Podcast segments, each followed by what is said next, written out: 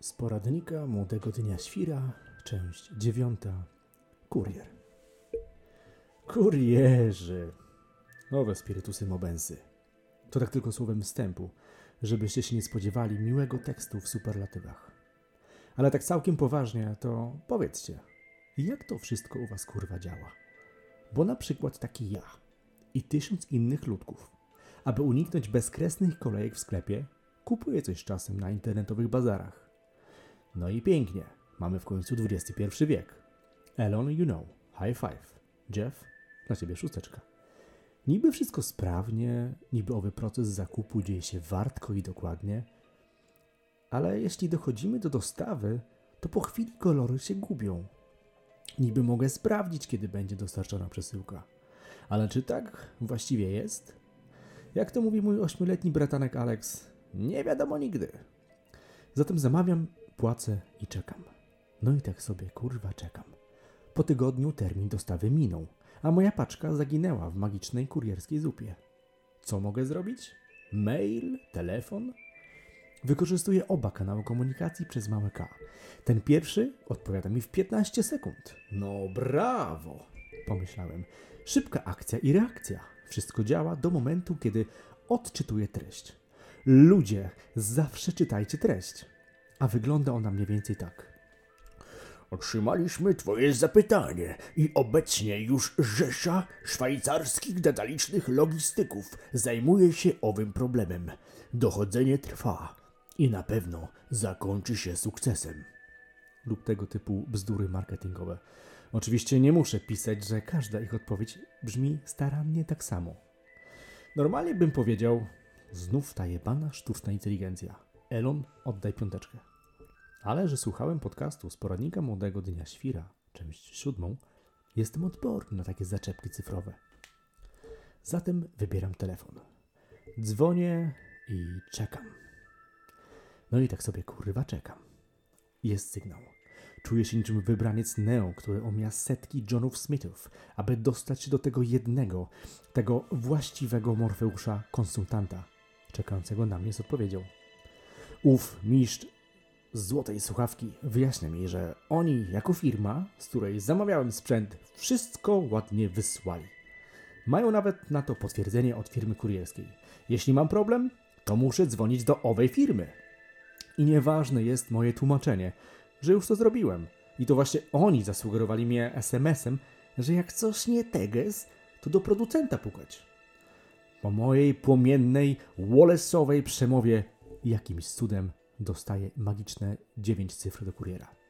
Wbijam te liczby niczym Armstrong stopę na księżycu. Głos w kolejnej słuchawce oznajmia mi, że on nie otrzymał żadnej paczki do dostarczenia. Może w internetach piszą, że wszystko jest cacy. Nożesz kurwa mać.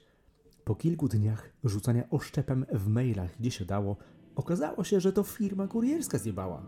Bardzo przepraszają, że już jutro będzie wysyłka. No dobra, niech tak będzie. Biorę wolne i czekam na kuriera. No i tak sobie kurwa czekam. Ma być między ósmą a osiemnastą. No i kurwa, wcale mnie to nie dziwi. Przecież to normalne, że jak wjeżdżasz do mojej zielonej Doliny Wejherowskiej, to po raz pierwszy w życiu zaczynasz ogarniać, czym jest życie. Zwiedzasz Eiffel Towery, oglądasz trójkąty Cheopsa i inne cuda z origami. Rozumiem, że owy kurier może się spóźnić tak, powiedzmy, akademicki kwadrans na łyknięcie trochę mądrości ludowych. I bardzo dobrze. Niech ma coś z życia. Ale jak to jest, że kiedy po 8 godzinach czekania, kiedy dzwonię o 16 do firmy kurierskiej, słyszę po drugiej stronie, że kurier już był, ale nikogo nie zastał, więc paczkę trzeba odebrać w punkcie X. No ja pierdolę kurwa jego mać. W sekundę dotarło do mnie, że właśnie czuję się jak w filmie akcji, gdzie jakiś mongolski porywacz kóz żąda ode mnie szalony okup za moją jebaną wysyłkę. Krzyczę do telefonu w dziesięciu językach stanowcze weto, nie pozwalam. Jak wściekły byk tłumaczę, że nikt kurwa nie dzwonił, nie przyjechał, ani nawet w postaci ducha się nie zjawił. A skąd to wiem? Bo czekając w międzyczasie, zbudowałem ambonę myśliwską i zrobiłem licencję na snajpera. I nie zachawam się jej użyć. Gdzie jest moja kurwa paczka? Pytam. W słuchawce tylko cisza. Ale wiecie, taka Mickiewiczowska, jak na stepach akermańskich. Nagle bot John Smith zrozumiał. Włączył tryb awaryjny i powiedział, że na Tito wysyła do mnie pana Stanisława. Ekstra kuriera. Nie wiem, kim jest kurwa ten Avengers, ale obiecano mi, że paczka będzie zanim dojdę do okna. Dziękuję i idę do okna. No i tak sobie, kurwa, idę i...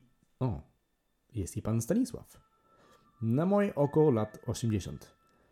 Już to widzę, jak dostarcza zakupione przeze mnie ciężkie ustrojstwo przez dwa piętra. Kiedy dostrzegam jego zamglone oczy i obozowe ciało Buddy po 40-dniowym poście, schodzę pomóc. Okazuje się, że nie trzeba było. Pan Stefan w sekundę zjawił się pod moimi drzwiami. Wypiliśmy pyszną kawę, którą notabene przywiózł gratisowo ze Starbucksa Wejherowskiego i wyjaśnił mi o co chodzi w życiu. Pomyliłem się do tego kuriera. Do jego wieku. Staszek miał rzeczywiście pół tysiąca lat i doskonale pamiętał, jak kiedyś dostarczał na Mustangach listy królowi Augustowi. Pomimo tego nadal formę miał lepszą niż Avengersi po Wibowicie. Obecnie, kiedy kupuję coś w necie, zawsze proszę o pana Staszka. Uważam, że nikt tak nie ogarnia historii, geografii oraz wszechświata, jak ten poczciwy pocztylion XXI wieku. I teraz małe PS ode mnie. Cofam początkowe hasło, że kurierzy to chuje. To firmy kurierskie bywają chujowe. Lecz jeśli tak ciężko nam poczekać kilka dni dłużej na paczkę, to może sami jedźmy do Tajlandii lub innej Kambodży i zamieńmy się na moment z siedmiolatkiem, który składa nasze plastikowe gadżety. Może zamiast zamawiać i zamawiać wciąż nowe rzeczy oraz karmić ciotkę, konsumpcjonistkę, sami zacerujmy spodnie lub sklejmy kubek. Ewentualnie możemy zanieść uszkodzoną rzecz do warsztatu złotej rączki na mieście. A no już poznamy przy okazji drugiego pana Staszka, który nie tylko doda drugie życie w nasz plastikowy, niby jednorazowy sprzęt, ale i nauczy trochę życia po życiu.